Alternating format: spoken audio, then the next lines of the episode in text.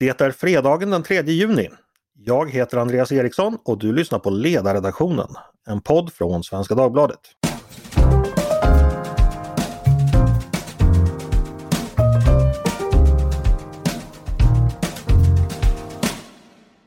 Juni och pingsttider.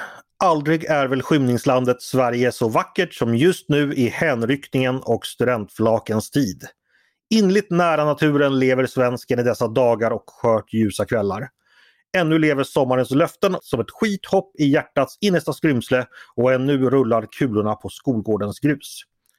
Det har åter blivit fredag i detta vårt Sverige och åter samlas Svenska Dagbladets ledarredaktion till rådslag som vi alltid har gjort, som vår vana är sedan en grånad forntidsdag. Med mig för denna traditionsfyllda negociering har jag tre kollegor. Likt rektor Dumbledore anlitar jag mina tre bästa studenter för uppdraget, nämligen Peter Harry Wemblad, Mattias Ron Svensson och Paulina Hermione Neuding. Välkommen alla tre! Tack så mycket, vad lustigt att du säger det. Det är inte första gången jag hör just det där.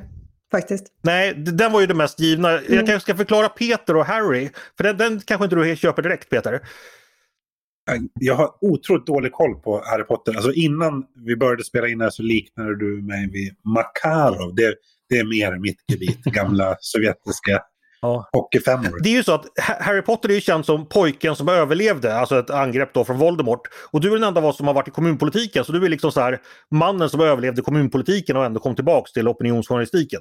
Så tänker jag. Mm. Samt också att eh, Harry är ju också arvtagaren, the chosen one liksom, och du är ju ändå biträdande chef. Så den dag, den dag liksom, eh, professor McGonagall Livendal avgår så är det ju du som får ta över.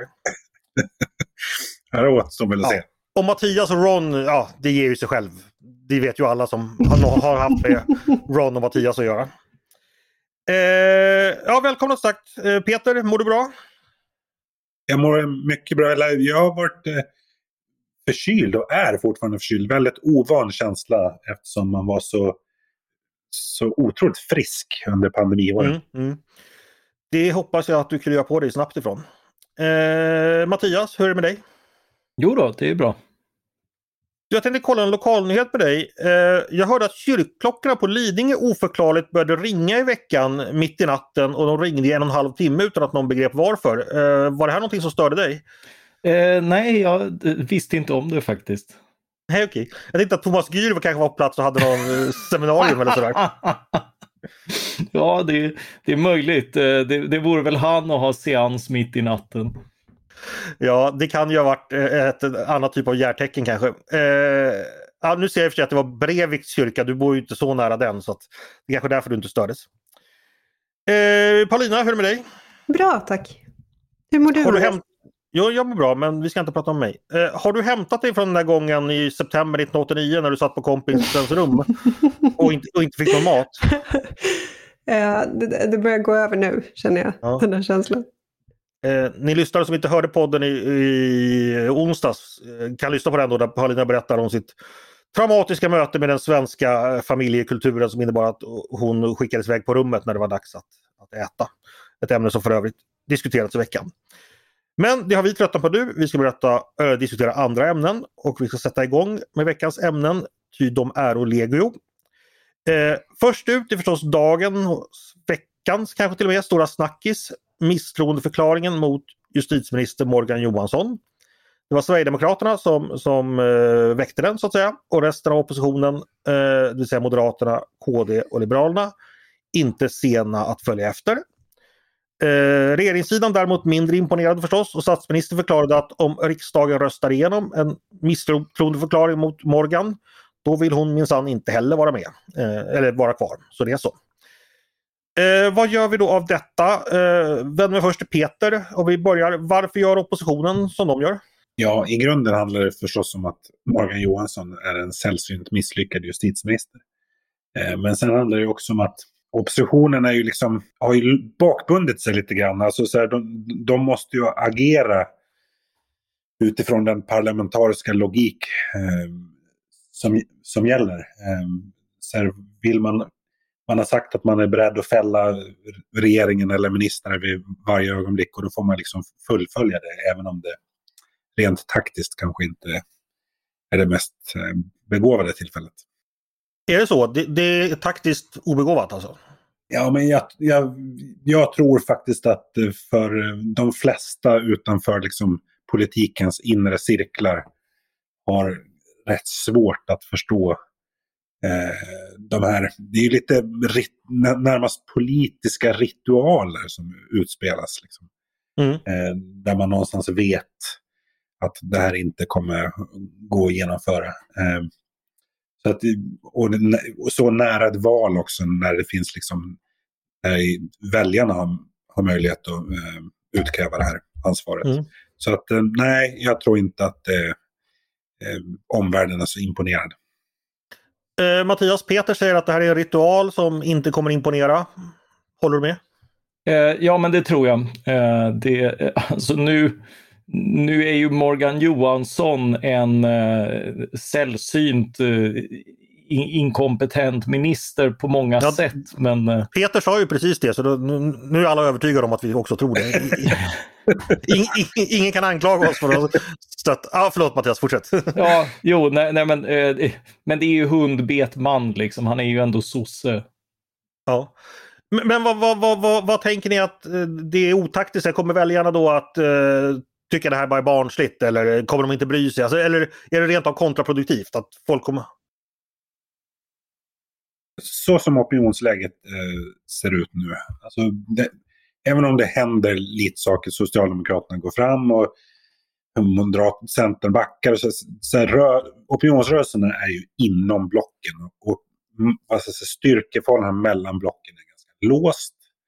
Så att, så här, ska borgerligheten vinna, ska det bli ett regeringsskifte efter valet, så måste borgerligheten, måste oppositionen lyckas locka väljare över blockgränsen det tror jag inte att man lyckas med i det här. Det är snarare så när man gör den här typen av angrepp. Att då, ja, det är precis som när landet blir angripet, då slutar man liksom upp bakom ledaren. Jag tror att ska väljare lockas över blockgränsen då, då måste de göra det med sakpolitik, inte med den här typen av... Jag vill inte kalla det för politiskt spel, därför att det är det faktiskt inte. Men det är ändå en typ av politik som är svårt att förstå om man inte håller på med det själv. Kan det inte vara så här då, så enkelt att man återigen vill eh, tvinga Centerpartiet att ta ställning. De kommer ta ställning för regeringen återigen. Så att man så här, vänder på, på Centerpartiet och skakar och ser ifall några ytterligare högerväljare kan trilla ut fickorna. Liksom. Finns det inte en sån tanke bakom? Det var exakt det som var min fråga faktiskt. För det, det, ja. det är ju det enda, den enda förklaringen jag ser till att man liksom visar upp sin egen impotens än en gång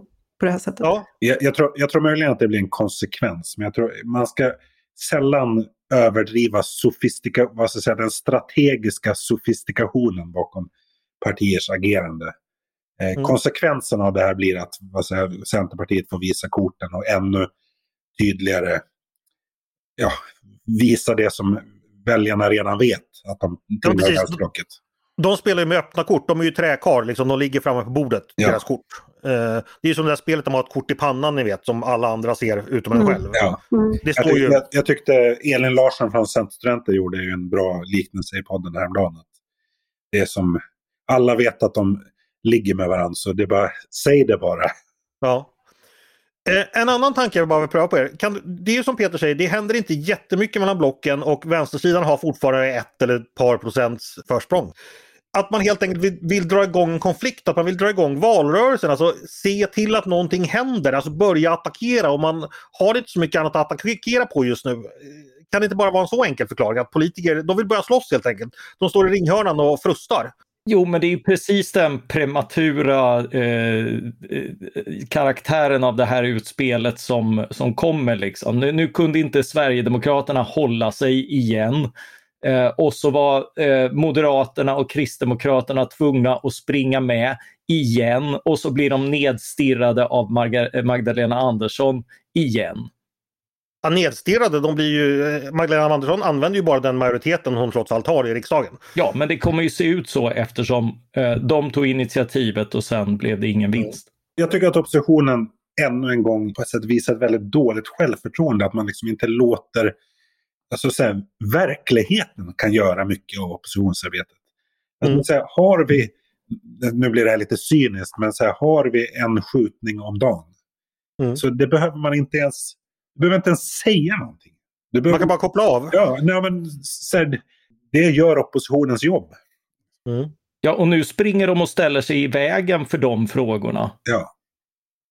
Så det här slutar inte gott för, för högerblocket, eller borgerliga blocket alltså. Det sammanfattar vi det som. Ja. Nej, nu har svansen viftat med hunden igen.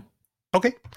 Vi får väl se hur det går. Det är nästa vecka på, var det tisdag redan detta ska avgöras? Ja. Eh, vi ska ta och gå vidare med en annan sån där politikersnackis i veckan. Eh, partisympatiundersökningen, PSU från SCB kom ju igår. Eh, Mattias, var det några överraskningar tycker du? Ja, det är jag fel person att fråga. Okej, okay, då eh. frågar vi Peter istället. Nej, det var väl inte direkt några överraskningar. Jag var ju inne på det lite grann tidigare. att eh, Mönstret är ju ganska tydligt att rörelserna, så ja visst, Center, Socialdemokraterna går, går kraftigt framåt. Men de tar ju framförallt från de, de andra partierna på, på samma kant. Mm. Det är likadant på, i oppositionsblocket, att man tar av eh, varandra. Du får det att låta väldigt odramatiskt. Eh, jag ser ju det här att jag kom betydligt närmare den där ginflaskan jag ska vinna av dig om Liberalerna är kvar i riksdagen. Ja, det är ju fortfarande 0,7 procentenheter kvar. Det är ju, det är ju otroligt långt. Alltså går man in i, jag ska säga att KD gick ju in i förra valrörelsen med 2,9 i maj SCB och de klarar ju sig ganska bra. Ja, vi får väl se, men som, som sagt, jag bjuder väldigt gärna på den där ginflaskan. Jag har inget emot, jag kommer vara en mycket god förlorare. Ja, det låter bra. Eh, Paulina, reflekterar du någonting över de opinionsvindarna som blåser just nu åt något håll? Nej, egentligen inte. Det, det är väl slående hur förlåtande väljarna är ändå. Alltså Peter var inne på det här med en skjutning per dag, 14 000 döda i corona. Alltså, det, det saknas inte skäl till missnöje med regeringen. Och jag kan slås lite av hur trogna väljarna ändå är. Mm. Precis, och, och, snart kanske vi har ett coronafall om dagen med 14 000 döda i skjutningar. Så att... be, be careful what you wish for, skulle jag säga. Eh, Okej, okay, eh, då går vi vidare från detta och börjar prata lite om vad vi har skrivit i veckan. Eh, tänkte börja med Mattias då. Det var ju någonting som du har gett på någonting som verkligen märktes i Stockholm igår. Eh, själv satt jag fast i trafik i 45 minuter på en avfart till Värmdöleden och jag hade hungriga barn väntande hemma. Eh, det var lite kaos i stan på grund av det stora miljömötet Stockholm plus 50. Eh, ett FN-möte som då äger rum 50 år efter den stora miljökonferensen i Stockholm 1972. Eh, sommaren då Jack jobbade på Sofiahemmet. Martin Beck löste fallet med det slutna rummet och Ragnar Skanåker tog OS-guld i fripistol. Mattias, du är ju född 1972. Än så länge är du inte plus 50 utan 49. Men det lämpar väl sig ändå att du, du eh, Ja, vi ska börja med, vad var det som hände den gången i Stockholm 1972 Mattias? Kan du berätta lite? Eh, ja, alltså det, det, var ju då den första, eh, det första globala FN-mötet ägnat åt miljöfrågor. Så det var ju nydanande för sin tid och det var ju, det, var, det var ju då väldigt många länder fick ganska mycket av liksom modern eh, naturvårds och miljölagstiftning. För det var helt andra miljöfrågor på den tiden än de vi har, oh ja. eller delvis andra? Ja, eh, ja, ja ganska, ganska annorlunda. Alltså, klimatet var ju ingen stor fråga. Däremot var ju eh, alltså svavelutsläpp, smog, eh, sopberg, eh, rädda valar, Eh, många, många av de här frågorna är ju betydligt närmare en, en lösning idag. Eh, smogen mm. ligger ju inte över västerländska storstäder som de gjorde i miljöböckerna jag växte upp med och, och fåglar dör inte av, av eh, slentrianmässiga oljeutsläpp för att företag rensat eh, oljecisterner till havs för att det är bekvämare och sånt där. Så väl, väldigt många frågor har kunnat hanteras och sen har vi fått den globala uppvärmningen som är, som är liksom ett, ett stigande problem. Men det, det är reflektion i texten som du skrev, eh, det var väl i förrgår tror jag. Det var det här med förhoppningarna på det stora konsensuset och de stora lösningarna. Du gjorde reflektioner kring detta?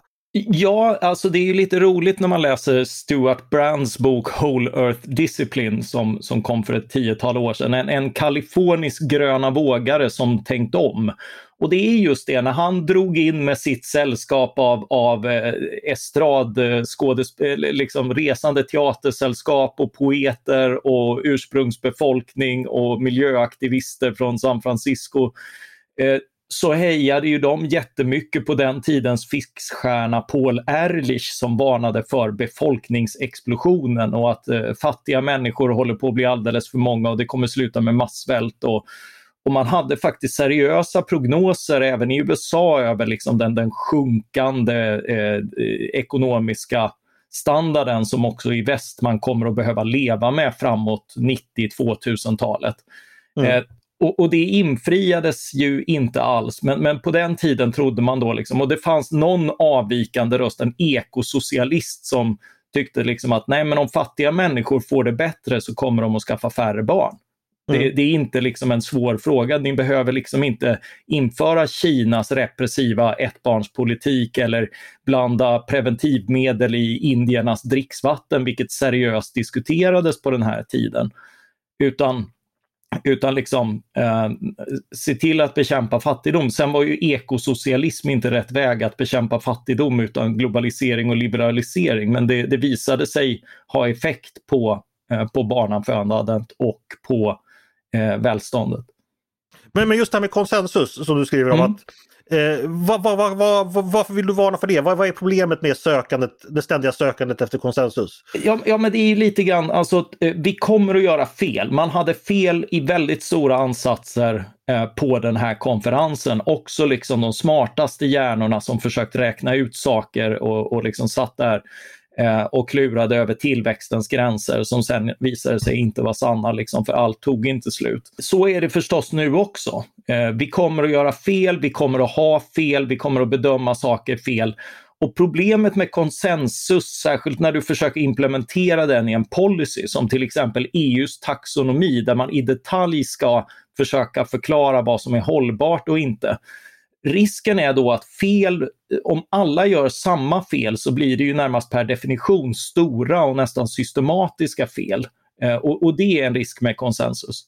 Ja, men det är den klassiska pläderingen för det liberala samhällets... Vi, vi prövar massor med olika saker, man ser vad som funkar, bra lösningar kommer då att sprida sig automatiskt. Ja, precis. Man måste, man måste när man sitter i sådana här möten ha en beredskap för att man, man inte vet allting och hur man ska hantera när, och, eh, eh, när man har fel och, och hur man inte hamnar fel alla på en gång. Grejen är att om jag då ska vara lite djävulens advokat och säga att dagens miljöproblem då, eller ja, klimatfrågan då som är den helt överskuggande, är av lite annan art. Den är då dels mycket, mycket mer hotfull skulle man kunna argumentera för att en skenande temperaturer, eh, ja, sv lite svavel i någon sjö någonstans kanske dödar lite djur men det dödar inte hela mänskligheten. Men det, är liksom, det skulle radikalt ändra livsvillkoren på jorden. Samt att vi vet ju orsaken till, till klimatförändringar, det är ju fossila utsläpp. Det är ju en väldigt enkel lösning egentligen. Eh, Förstår du vad jag menar? Om, om man skulle argumentera så mot det, hur skulle du bemöta då? möta det? Ja, alltså eh, vi, vi ser ju redan nu vad, vad liksom en, en, en, en snabb nedtrappning av fossila bränslen har för pris för våra samhällen. Därför, därför att när vi, när vi bojkottar eh, rysk olja och gas så känner vi lite på hur eh, hur det biter. Och det, det slår eftersom ungefär 80% av energin kommer ifrån fossila bränslen mm. eh, så, så är det en, en, en mycket dramatisk och precis som under pandemin när vi liksom idiotstoppade väldigt mycket transporter och sånt där. Liksom. Visst, det minskar utsläpp på marginalen men, men, men det skapar också fundamentala samhällsproblem som, som vi inte är redo att leva med. Men vissa säger att det är den väg vi måste gå just med, med bakgrund i det jag målar upp att hotet är så stort och att orsaken är känd. Att fossila bränslen måste bort fortare än kvickt. Ja, och, och det, är, det är ett idiotiskt sätt att argumentera därför, därför att varje form av sån allvarlig störning innebär betydligt större risker för våra samhällen. Om vi så bara tar liksom förmågan att hantera Eh, de, de eh, förändringar i extremväder som kommer så, så har de ett väldigt tydligt samband med, med liksom ekonomisk eh, tillväxt och, och, och, förmåga att bygga eh, ordentligt och robust och, och, säkert. Det är liksom pengar eller livet som gäller där och, och, och redan där så behöver vi liksom vår, vår moderna infrastruktur. Mm. Vad skulle du säga, du som känner miljörörelsens och miljöfrågans utveckling under lång tid. Vad är bäst praxis ifall vi ska använda vår egen historia? När har det gått bäst att lösa ett de här negativa externaliteterna som, som det handlar om? Jag, jag, är glad att du ställer den frågan eftersom jag har skrivit en bok om precis det. Alltså, eh, I stort sett alla lösningar på miljöproblem som vi vill eh, ha eh, har, har skapats av fria, rika demokratier. Eh, Sverige, nordiska länder, Västeuropa, USA. Eh, det är där man radikalt har lyckats fasa ut och eh, minska en mängd utsläpp eh, samtidigt som man fortsätter att producera väldigt mycket och inte ger avkall på hur människor lever och har det. Mm. Så Sovjet var inget föregångsland när det gäller att bekämpa eh, klimatförändringar? Alltså. Milt uttryckt inte. Nu ska ju sägas att Sovjet hade som explicit mål just att maximera industriproduktion, så det blev ju sällsynt eh, illa passande ur miljösynpunkt. De fullkomligt skövlade ju allt ifrån Aralsjön till liksom eh, släpp, släppte ut väldigt mycket och var oerhört ineffektiva i, i sin framfart. Eh, och, och det visar ju planekonomins svaghet, men, men även liksom när eh, vi, vi, kan ju notera att de inte uppnådde det målet att, att lyckas liksom växa om västvärlden. Och på samma sätt så kommer planekonomi, om man inriktade den på att vara glö, grön och klimatvänlig, så kommer den förmodligen inte att lyckas med det heller.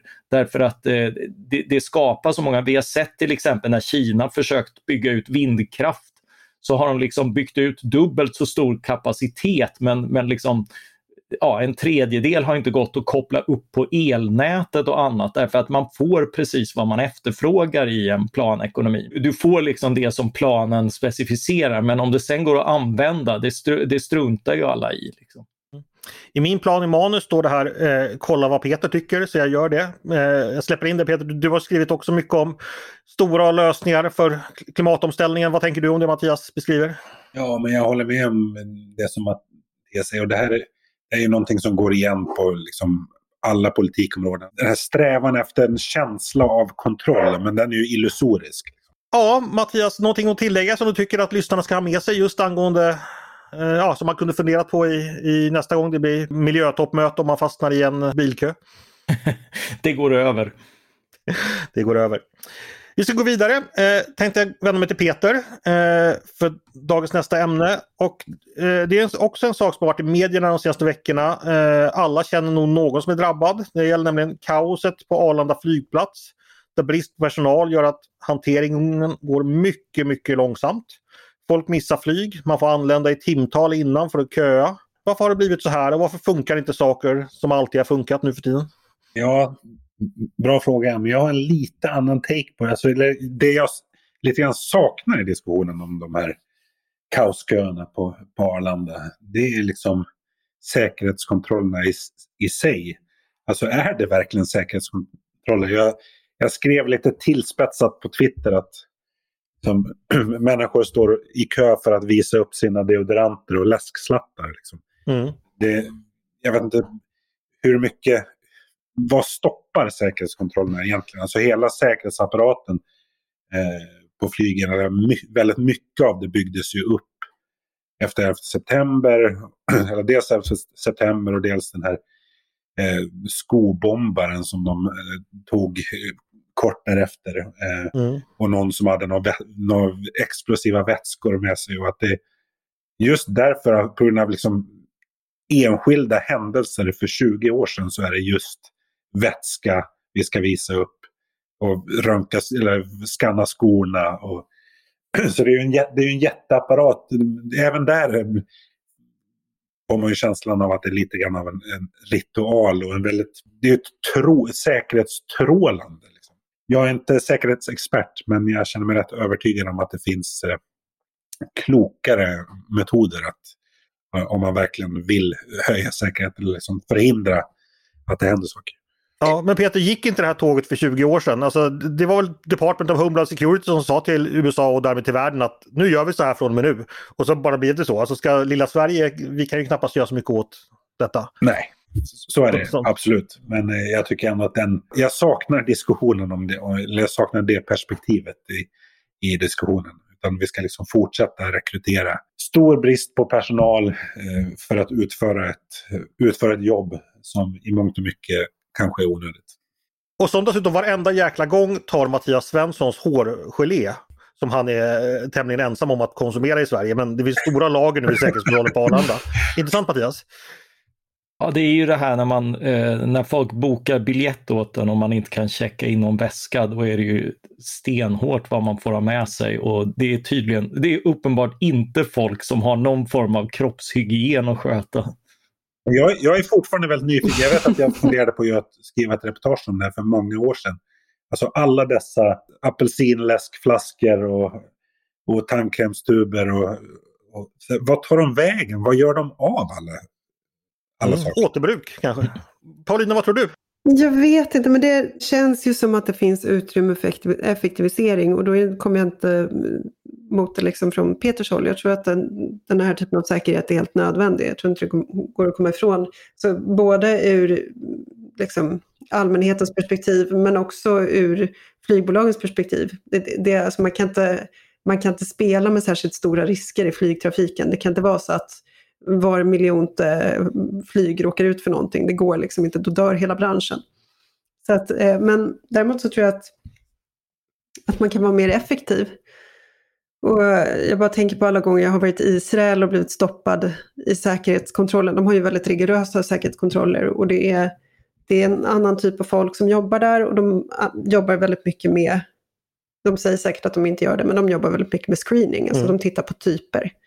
Och om man då som, som jag var när jag reste som mest till Israel, singel tjej reser ensam, då, de var på mm. direkt liksom, på grund av den mm. grupptillhörigheten. Man betraktades som så här, en person som tar emot mm. presenter från folk och fraktar. Eh, nu gick inte den diskussionen riktigt som jag hade tänkt mig men det föranledde mig till att spåra ut den än mer. Eh, på 60-talet var ju flygkapningar, inrikesflygkapningar i USA ett jätteproblem. Det kapades då, jag tror det var var fjärde dag under något år ett flygplan i, i USA det här var innan säkerhetskontrollernas tid. Eh, så folk hade ju, tog ju med sig revolvrar och, och kapade planen. Och ofta ville man då, ung och radikal som man var, flyga till Havanna för där skulle man då börja ett nytt liv och då hade man inte pengar till det så man kapade plan och åkte dit.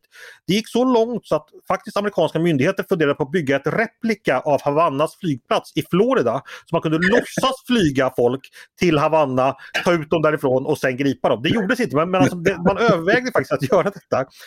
Och detta är ju helt okänt idag. Men liksom att, och grejen är så att precis som i USA, de, där är man ju känslig med sina vapen. Det var ju en stor grej att börja screena folk för vapen. För då hade ju folk börjat gapa om konstitutionen och sådär. Att man liksom lät ett plan bli kapat var fjärde dag innan liksom man insåg att det här går ju inte längre. Liksom. Eh. Det känns ju som en väldigt oskyldig tid. Så här, vad, vad, skulle vår tids motsvarighet vara till att bygga ja, en replika ja, av det, Havanna? Det vet jag inte, men, men liksom. fascinerande historia. Bygga, bygga en replika av Morgan Johansson som vi får avsätta. Vadå, då kan vi ju aldrig avsätta honom, det dyker bara upp en ny ständigt och jämt. Ja. Vi har ju haft en mycket sämre justitieminister än Morgan Johansson och hon hette ju Beatrice Ask och var borgerlig justitieminister. Och det här får inte vi sitta här Nej, och ha glömt inte. bort. Det här får nu, nu skickade du in ett litet gredelint kuvert i debatten. Precis, alltså även om Morgan Johansson har misslyckats kapitalt så är han ändå inte sämre än vad Beatrice Ask var som misslyckades ännu mer kapitalt. Hörni, vi ska gå vidare. Eh, Paulina, jag bad dig föreslå ett aktuellt och brännande ämne till att prata om idag. Du återkom med att du ville prata om en bok som kom ut 1906, eh, nämligen Nils Holgerssons underbara resa genom Sverige. Jag får väl skylla mig själv som vänder mig till den konservativa delen av redaktionen. Men berätta, du har, du, ja, det är ju aktuellt så att du har skrivit en text om Nils Holgersson. Där du, du kontrasterade Selma Lagerlöfs sätt att skriva pedagogiska texter med dagens. Berätta! Ja, jag känner att du verkligen har snackat upp min text här. Jag mm. läste Nils Holgersson då eh, och konstaterade att Selma Lagerlöf, hon skrev ju den här boken som en lärobok i geografi för den svenska skolan. Så att eh, generationer av svenskar är ju uppvuxna med den här boken. Och sen så slutade man använda den. Och nu är ju Selma Lagerlöf, om man läser den, det finns en väldigt otäck genre som heter så här hjältekvinnor, rebellkvinnor att läsa godnattsagor om för barn. Det här, du, jag läser dem för mina barn. Ja, de är fruktansvärt otäcka. Det är så här en sida per person som har gjort någonting, så här, spräckt något glastak eller någonting. Det är, Min dotter älskar dem. det är fula bilder, det är platta historier, det är så otroligt Hennes ögon tindrar när jag bara tar fram boken. eh, platt och dumt på det här, så här radikala sättet. Så här, nu ska vi fostra barn i, i det här. Hon Och- säger till mig varje kväll så här, pappa tror du jag kan göra något lika, lika fint? Och jag säger, det är klart du kan gumman. Du ska säga nej. Du kan flyga på en gås istället. Ja, förlåt Paulina, jag så Ja. Selma Lagerlöf, första kvinnan i eh, Svenska Akademin, Nobelpriset, eh, levde i en relation med en kvinna och så vidare. Så hon, hon förekom i de där sammanhangen som en sån här powerkvinna som man ska känna till därför att hon spräckte glastak. Men den här läroboken som hon skrev för barn, den är borttagen ur undervisningen. Och jag roade mig med att läsa en bok som heter Pojken och tigern som kom på 80-talet och som fortfarande används i skolans geografiundervisning, inte av alla skolor men av vissa. Eh, och det var så roligt därför att jag trodde, den finns i två versioner, en enkel och en svår. Och, jag trodde att jag läste den enkla versionen men det var tydligen den svåra. Och, och det var så otroligt slående, så att, eh, mer slående än någon PISA-graf jag någonsin har sett som illustration över förfallet i den svenska skolan. Hur mycket plattare, simplare, hur mycket mer respektlöst tilltalet mot barn har blivit i, i skolbokslitteraturen. Men Kan du utveckla det? På vilket sätt eh, hade Selma Lagerlöf större respekt för barnen? Därför att hon skrev en bok som var på riktigt. Det här, det här var Mm. en bok som hade liksom en verkshöjd på riktigt. Jag tar ett ex exempel i min text, hur, när hon berättar om emigrationen från Småland. Mm. Och Nils Holgersson, här kommer en spoiler för övrigt, Nils Holgersson kommer in i en småländsk stuga och det ligger ett lik på marken. Han blir rädd och Mm. springer ut och sen så får han veta att det här är en kvinna som levde på den här gården med barn och barnbarn men de har alla lämnat henne för USA. Och nu, Mm. nu ligger hon död där inne omgiven av porträtt på människor som sitter och, och stirrar, ut i, eh, som stirrar ut i luften. Och då Mm. går han tillbaka in i det här huset och vakar över henne hela natten och liksom hedrar hennes minne. Och det här är då ett exempel på e- en ganska basal sån här, eh, ja, ett minnesknep.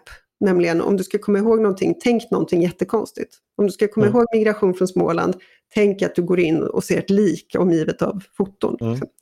Och, och sånt använder sig Selma Lagerlöf av hela tiden, samtidigt som hon hela tiden behåller liksom en verkshöjd. Det, är- det är en komplicerad text, men det är liksom en riktig bok. Det är en bok som vill vara en bok på riktigt. Och sen så kommer man till då dagens böcker som är väldigt blodfattiga. Det är blodfattig textbok på ett helt annat sätt. Och, ehm, och Pojken och tigern, det är liksom så här, en mening i taget, en mening beskriver en känsla, en mening beskriver vad som händer, en mening beskriver dialog. Det blir aldrig mer bok, mer på riktigt än så. Så att vi har, vi har gått från att, att se barn som liksom estetiska, eh, andliga varelser på något sätt. Eh, Utöver att man krävde mer av dem intellektuellt så, så, eh, så respekterade man dem också som andliga varelser som vill läsa vackert och fint och på riktigt. Till det Ja, här förstår. blodfattiga. Men Paulina, det ligger ju trots allt hundra år av eh, förhoppningsvis eh, framgångsrik pedagogisk forskning mellan Selma Lagerlöf och Nej, oss. det är det det inte gör. Alltså det här är det som är så roligt. Därför att Oj, ped- gud! ped- pedagogiken är ju inte, det är liksom inte som eh, teknologin. Utan väldigt mycket, eh, det, det är verkligen inte en rak linje. Det finns vissa saker där man har blivit mycket, mycket bättre såklart. Man, man diagnostiserar dys- dyslexi och hjälper barn med dyslexi på ett helt annat sätt idag än för hundra år sedan såklart. Mm. Men sen så finns det andra områden där man av ideologiska skäl har valt att bortse från det man visste. Alltså Nils Holgersson betydligt mycket mer pedagogisk och smart än Pojken och tigern. Men det här skulle då innebära att den genomsnittliga eh, eleven som då går ut grundskolan 1915 har bättre kunskaper om sitt Sverige då än vad den genomsnittliga eleven har idag tack vare Mm. bättre litteratur. Är, är det... Ja, men det, Slutsatser.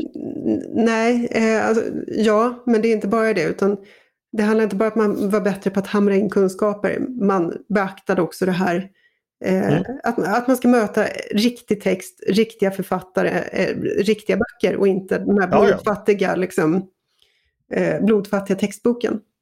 Det är en god poäng, men, men är det verkligen helt utdött det här med att man kopplar narrativ till kunskapsinlärning? Att man, man vet... Ja, Det gör man säkert, men alltså på den tiden så, så engagerade man sina största författare i eh, skolböcker. Mm. Och det gör vi inte idag på samma sätt. Nej, men nej, det är sant. men det, det var intressant att se vilken mycket mer komplicerad materia man satte i händerna på tioåringar då jämfört med tioåringar idag.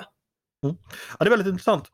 Eh, har Peter och Mattias någonting att tillägga till, till detta? Ja, alltså ja, ja, det är ju en god poäng och just det här att man, man i efterhand har upptäckt att det man ägnat sig åt utan att veta varför eh, visar sig vara ganska klokt och har poänger som, som liksom akademiker först i efterhand förstår. Väldigt mycket kunskap kommer ju den vägen snarare än att man sitter liksom och, och, och forskar fram någonting man inte hade en aning om förut. Alltså den, den typen av, av visdom i, i vad människor ägnar sig åt och hur vi överfört kunskaper från generation till generation. Eh, att, att, att det emellanåt underskattas för att det inte funnits någon, någon evidens som eh, man mm. har tittat på. Det, det, är ju inga konstigheter och jag tycker att det här är väldigt bra exempel på det. Mm. Jag passar på att slänga in ytterligare ett boktips. Om man vill veta hur det gick för Nils Holgersson efter den där novemberdagen eh, 1906 eller vad det är. När han återkommer till gården eh, och träffar sin mor och far igen.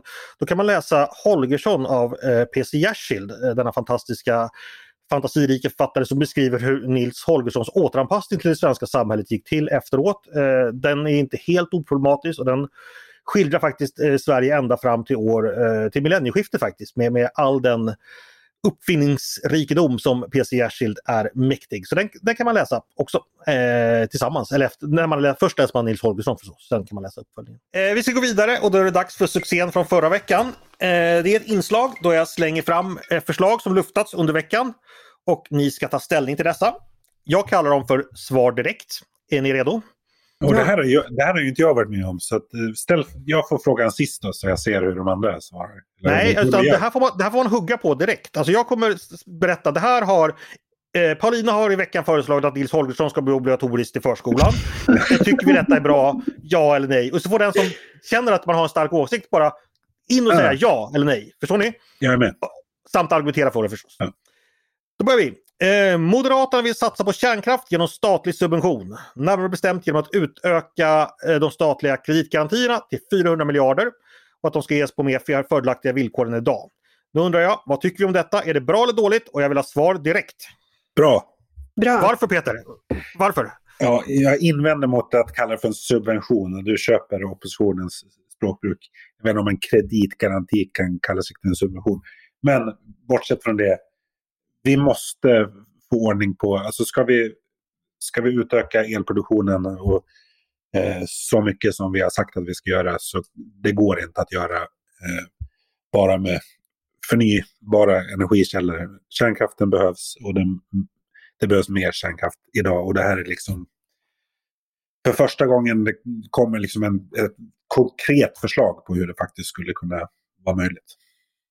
Någon som har, är emot Peter eller är vi överens om detta? Ja, alltså det, det är klart att det är en subvention eh, på ett sätt, men, men eh, jag menar, eh, det, är, det är ju inte, alltså staten är ju redan inom meckar så mycket i energisektorn och eh, ja, jag, jag, tror att det här behövs. Då tar vi nästa. Eh, regeringen vill eh, bidra till att lösa problemet med segregation i landet och då vill man låta utreda ett statligt ägt fastighetsbolag som då ska äga och förvalta bostäder och lokaler i utsatta områden. Är det här en bra idé tycker ni? Jag vill ha svar direkt. Nej. Nej. Nej, Mattias, varför säger du nej? Eh, av princip. Eh, nej, men det, det, känns som en sån här lösning man, man drar fram för att man inte har någon. Eh, och, och så blir det ett sätt att dölja att man låter, låter staten bedriva en verksamhet eh, som ja, staten inte är så hemma på. What could possibly go wrong? Det, det låter som ett svart hål för skattepengar. Eh, någon annan? Paulina, du sa också nej? Nej, men jag skriver under på vartenda ord som Mattias säger. Det, det är precis så det är. Det är en idé i brist på idéer. Okej. Okay. Peter, vill du revidera eller? Jag gör det en annan gång. Ja, okej. Okay. Då tar vi den tredje och sista. Eh, Jocke Berg har släppt ett soloalbum. Den gamla popikonen återkommer sex år efter att bandet Kent gick in i evigheten. Vad tycker vi? Är det bra eller dåligt? Jag vill ha svar direkt. Bra. Bra. Mm. Eh, favoritlåtar Paulina från nya plattan? Nej men jag har inte hört nya plattan. Men, men jag har lyssnat på hans samarbete med Miriam Bryant som förstås, jag älskar Miriam Bryant och det, det var fantastiskt och det han gjorde med Veronica Maggio, eller hur? Gjorde han någonting också? Det var också mm. fantastiskt. Mm. Om jag tänker på rätt låt. Mm. Men okej, så du, du, du, är nyfiken på att så småningom lyssna på den här skivan? Alltså. Eh, Jag, jag har lyssnat på den flera gånger. Ja. Och vad säger du, vilket är favoritspåret? Eh, mer än ingenting. Mm. Sen tycker jag kanske att skiv... jag, jag ger den tre av fem. Eh, men jag tycker ändå att det är roligt att han eh, gör det. Är det något eh, nytt i Jockeberg vi upptäcker som inte fanns under Kent-tiden eller är det mer än det gamla goda? Ja, alltså det nya man upptäcker kanske inte är så kul. Eh, jag tyckte Jens Liljestrand eh, på Expressen beskrev det hyggligt träffande att Jocke Lundell visar vissa drag av Ulf Lundell. Av liksom en, en, ett, nostal ett nostalgiskt drag som nästan blir lite deppigt. Liksom. Liksom. Du kallar honom för Jocke Lundell också så det var mycket freudianskt.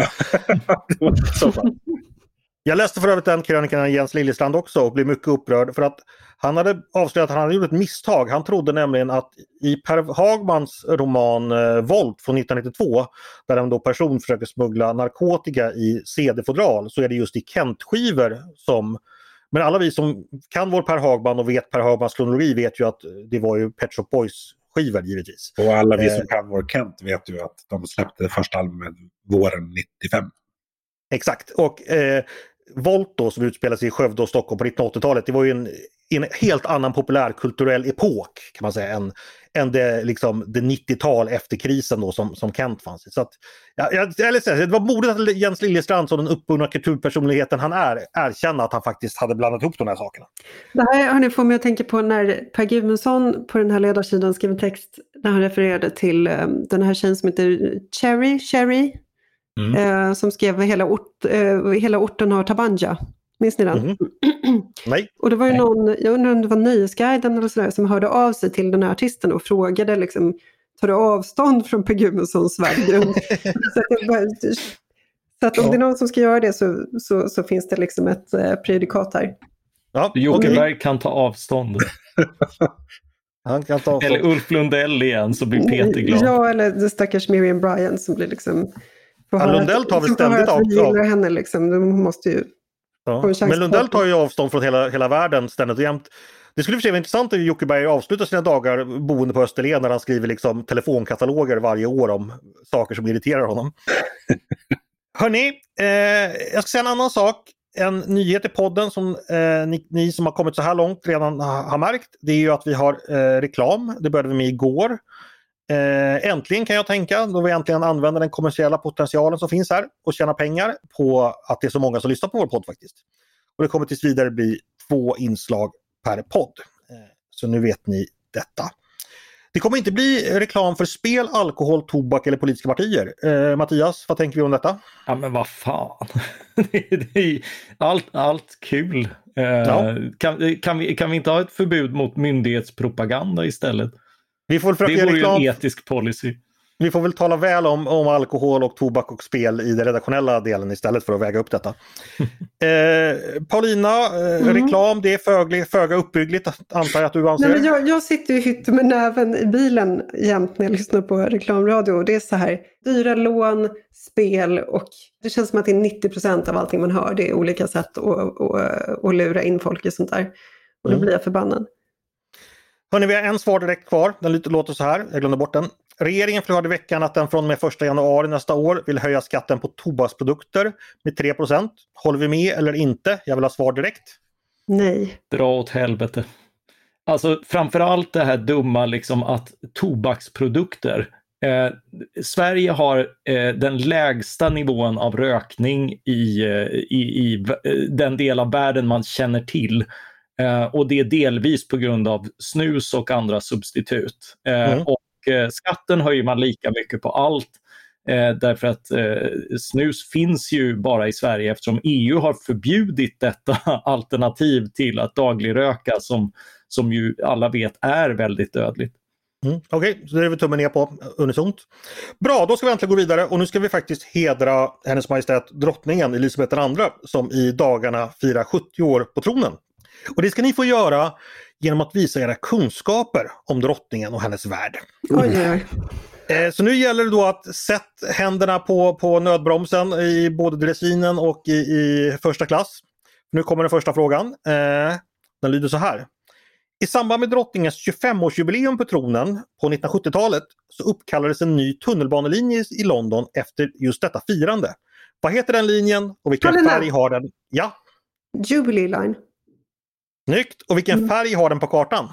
Vet inte men jag gissar på svart. Nej, vänta nu, tänk efter. 25 år, vad firar man då? Ah, vänta, vänta, vänta, vänta. Eh, sil- den är silvrig. Yes, snyggt Paulina! Mm. Jättefint! Eh, Ett poäng till dig. Eh, nästa fråga. Drottningen är den första kvinnliga monarken i Storbritanniens historia som gjort militärtjänst. Eh, I vilken egenskap eller vilken tjänst hade hon? Peter. Ja, Paulina! Nej, Peter först. Peter Hon var, först. hon var mekaniker va? Ja, hon var faktiskt bilkorist skulle vi närmast säga i Sverige. Alltså hon var då, körde lastbil och var bilmekaniker. Så helt rätt. Nu står det 1-1. Det här är ju riktigt, riktigt spännande. Nästa fråga eh, går in på sportens värld lite. Eh, drottningen har haft många olika eh, representationsuppdrag. Som sådan har hon invigt många olika saker. Men hur många olympiska spel har drottningen invigt? Peter. Ja, få höra. Kanske har varit så att det har varit olympiska spel i samväldet också. Annars hade, tänkte jag att det var två. London 48 och London 2012. Är det ditt svar? Ja. Du har rätt för det, två stycken. Men eh, det var hennes pappa som invigde det 1948, för han levde ju fortfarande. Och hon invigde faktiskt spelen i Montreal 1976. Men du får faktiskt en halv poäng där, så nu Ja, ligger du lite tack, före. Nu kommer den sista frågan och det är en uppdelad. Det finns mycket poäng att tjäna. Jag kommer nämna berömda engelsmän och jag vill veta huruvida de här personerna har haft möjlighet att träffa drottningen så tillvida att de har levt samtidigt som henne. Eh, och drottningen är ju som ni vet född 1926. Eh, så helt enkelt har denna personen levt samtidigt som drottningen har levt. Och jag börjar då med Rudyard Kipling, författare och nobelpristagare, kanske mest känd för Djungelboken. Ja. Karolina, vill du svara? Jag, svarar, får, här, får, man minuspoäng också. Ja, du, vad, vad, vad svarar du? ja, men, nej, du, jag känner att du antyder att man kan få minuspoäng. Antyder jag sa kan få minuspoäng. Ja, fan. Ja, men nu har jag ju sagt ja. Ja, Har det är fel? rätt. Han, är född, nitt- han dog 1936 så han hade Mm. kunnat träffa henne. Mm. Då har du två poäng. Jag visste Mattias. det. Mattias nolla fortfarande. Tar vi nästa person då. David Livingstone, missionär och upptäcktsresande. Nej. Det är helt rätt Paulina. Han, är född eller han dog 1873. Så, tre poäng för Paulina. Eh, Sir Arthur Conan Doyle, författare mest känd för böckerna om Sherlock Holmes. Nej. Ett ut, ett poäng. Han dog 1930. Vad fasen.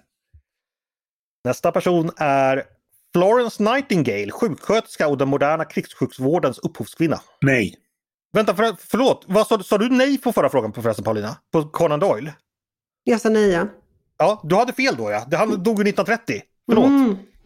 Då åker du tillbaka. Och vad sa du på den senaste Peter? Nej. Ja, det är helt rätt. Då, då går du upp på eh, och en halv. två och en halv.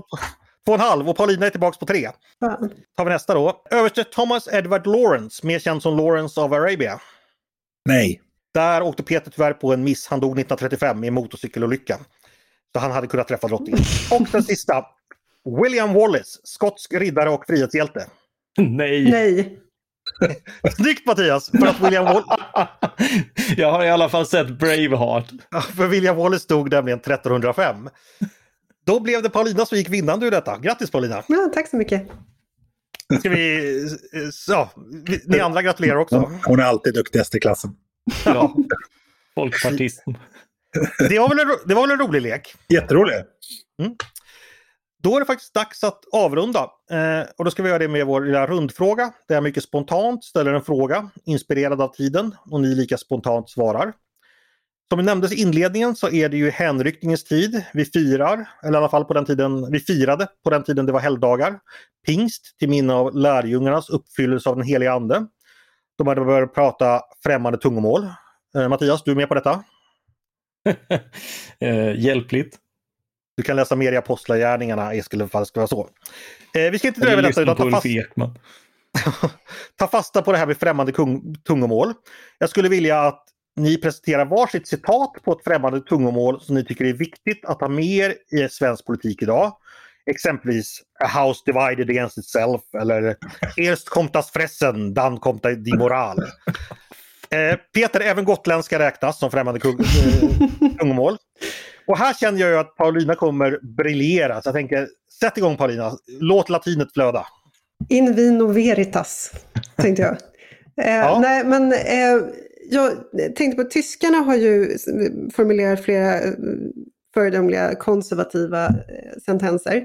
Mm. Eh, det klassiska är ju keine Experimente, som mm. under CDUs slogan under Konrad Adenauer. Mm. Det skulle man kunna lära någonting av i svensk politik. Sen CSU, systerpartiet i Bayern, de brukade säga rechts von uns darf es nichts geben. Det får inte finnas något till höger om oss. Det. det. här var innan Angela Merkel, som ju var en, en väldigt misslyckad förbundskansler, plöjde upp den där fåran till höger med den här avgrundshögern som har tillkommit i tysk politik. Och slutligen då på samma tema så Helmut Schmidt, västtysk förbundspresident för SPD, SPD alltså socialdemokrat. Eh, han sa, eh, jag tänkte på Centerpartiet, för de tycker ju om socialdemokrater. Så han, han sa så här, Wer Vision hat sollte zum Arzt gehen. Den som har visioner borde gå till doktorn. Mm. Fantastiskt! Vilken, mm. vilken, vilken, har du gått tyska eh, skolan Paulina? Men det kanske du hörde redan när vi hade quizen va? Eller? Fantastiskt! Det var väldigt Reinfeldts att varna för visioner. Mm. Ja. Men också det här Men ändå att inte. till höger om oss ska det bara finnas avgrunden. Det var ju en idé som svenska moderaterna hade en gång i tiden också innan de släppte den flanken och avgrunden öppnades, eller avgrunden blev inte Precis, avgrund längre. Det, utan det, det är fortfarande så. Mycket bra Paulina, guldstjärna för detta. Eh, då går vi vidare till eh, Mattias, dags för dig att briljera. Ja, jag har ingen jävla aning. främmande tungomål. Ja, räknas, räknas engelska som främmande tungomål? Ja, men nu ska Mattias tala i tungor först, vi får vi höra. Ja, ja, det här kom överraskande som, som flickan sa. Det, det kanske man kan formulera på engelska. Jag, jag, jag har ingen aning. Beggars can't be choosers. Ja, Okej, okay, mycket bra. Eh, icke godkänt för Mattias. Du återkommer nästa vecka för, med, med dubbla räkneuppgifter. Peter slutligen då? Ja, eh, don't be pound eh, foolish and penny wise. Finns det ett, ett eh, politiskt talesätt. Berätta om detta. Ja, nej, jag vet inte vem det var som yttrade men det handlar om att liksom, politiken har en förmåga att slösa med de stora pengarna och sen snåla med de små. Mm -hmm. Jag trodde Pennywise var clownen i det. Det är det också. ja, men det, det var jättefint. Vad bra, vilken, vilken bildning det finns på redaktionen när man bara sätter spaden i marken. Eh, ja, på sina håll i alla fall. Sporadiskt. Sporadiskt. Ja, eh, det var allt jag hade att erbjuda. Är det någon som vill tillägga någonting? Trevlig helg. Vad ska ja, ni göra i helgen? Ska ni göra något eh, trevligt? Eh, jag ska nog till landet. Jag ska klippa gräset först, sen ska jag till landet. Eh, Mattias, vad ska du göra? Jag har ingen aning. Det känns väldigt skönt. Peter, du skulle till landet? Eller du är på landet? Ja, jag har redan tjuvstartat. Jag är redan där. Mm. Jag ska väl, håller på att säga, jag ska väl hissa den svenska flaggan på, på måndag, men jag har ingen flaggstång. Paulina, ska, hur, hur firar du nationaldagen förresten? Ja, just det. Man ska fira nationaldagen också. Jag har inte planerat för det, men det, det får bli någonting storslaget. Hon, hon firar bara den tyska. Mm. Precis. En dag ska vi integrera dig också Paulina i, i svenska nationaldagsfirandet. Det går till så att man sätter sig på någon festplats och ser sur ut och säger inte är det som i Norge inte. Just det, just det. Hörni, eh, stort tack för att ni var med mig idag, Mattias, Peter och Paulina. Tack för idag Andreas. Tack själv. Ett nöje. Och tack till er som har lyssnat också på Ledarredaktionen, en podd från Svenska Dagbladet. Ni är varmt välkomna att höra av er till oss på redaktionen med tankar och synpunkter på det vi precis diskuterat eller hur vass jag är på att räkna poäng när vi har frågesport. Eller om ni har idéer och förslag på saker vi borde ta upp i framtiden. Då är det bara att mejla till ledarsidan snabel svd.se. Och är det någon som vill ge en extra guldstjärna till Paulina för hennes kunskaper i tyska sentenser så tror jag hon kommer uppskatta det också. Jag säger bara det. Dagens producent, han heter Jesper Sandström. Jag heter Andreas Eriksson och jag hoppas att vi hörs snart igen.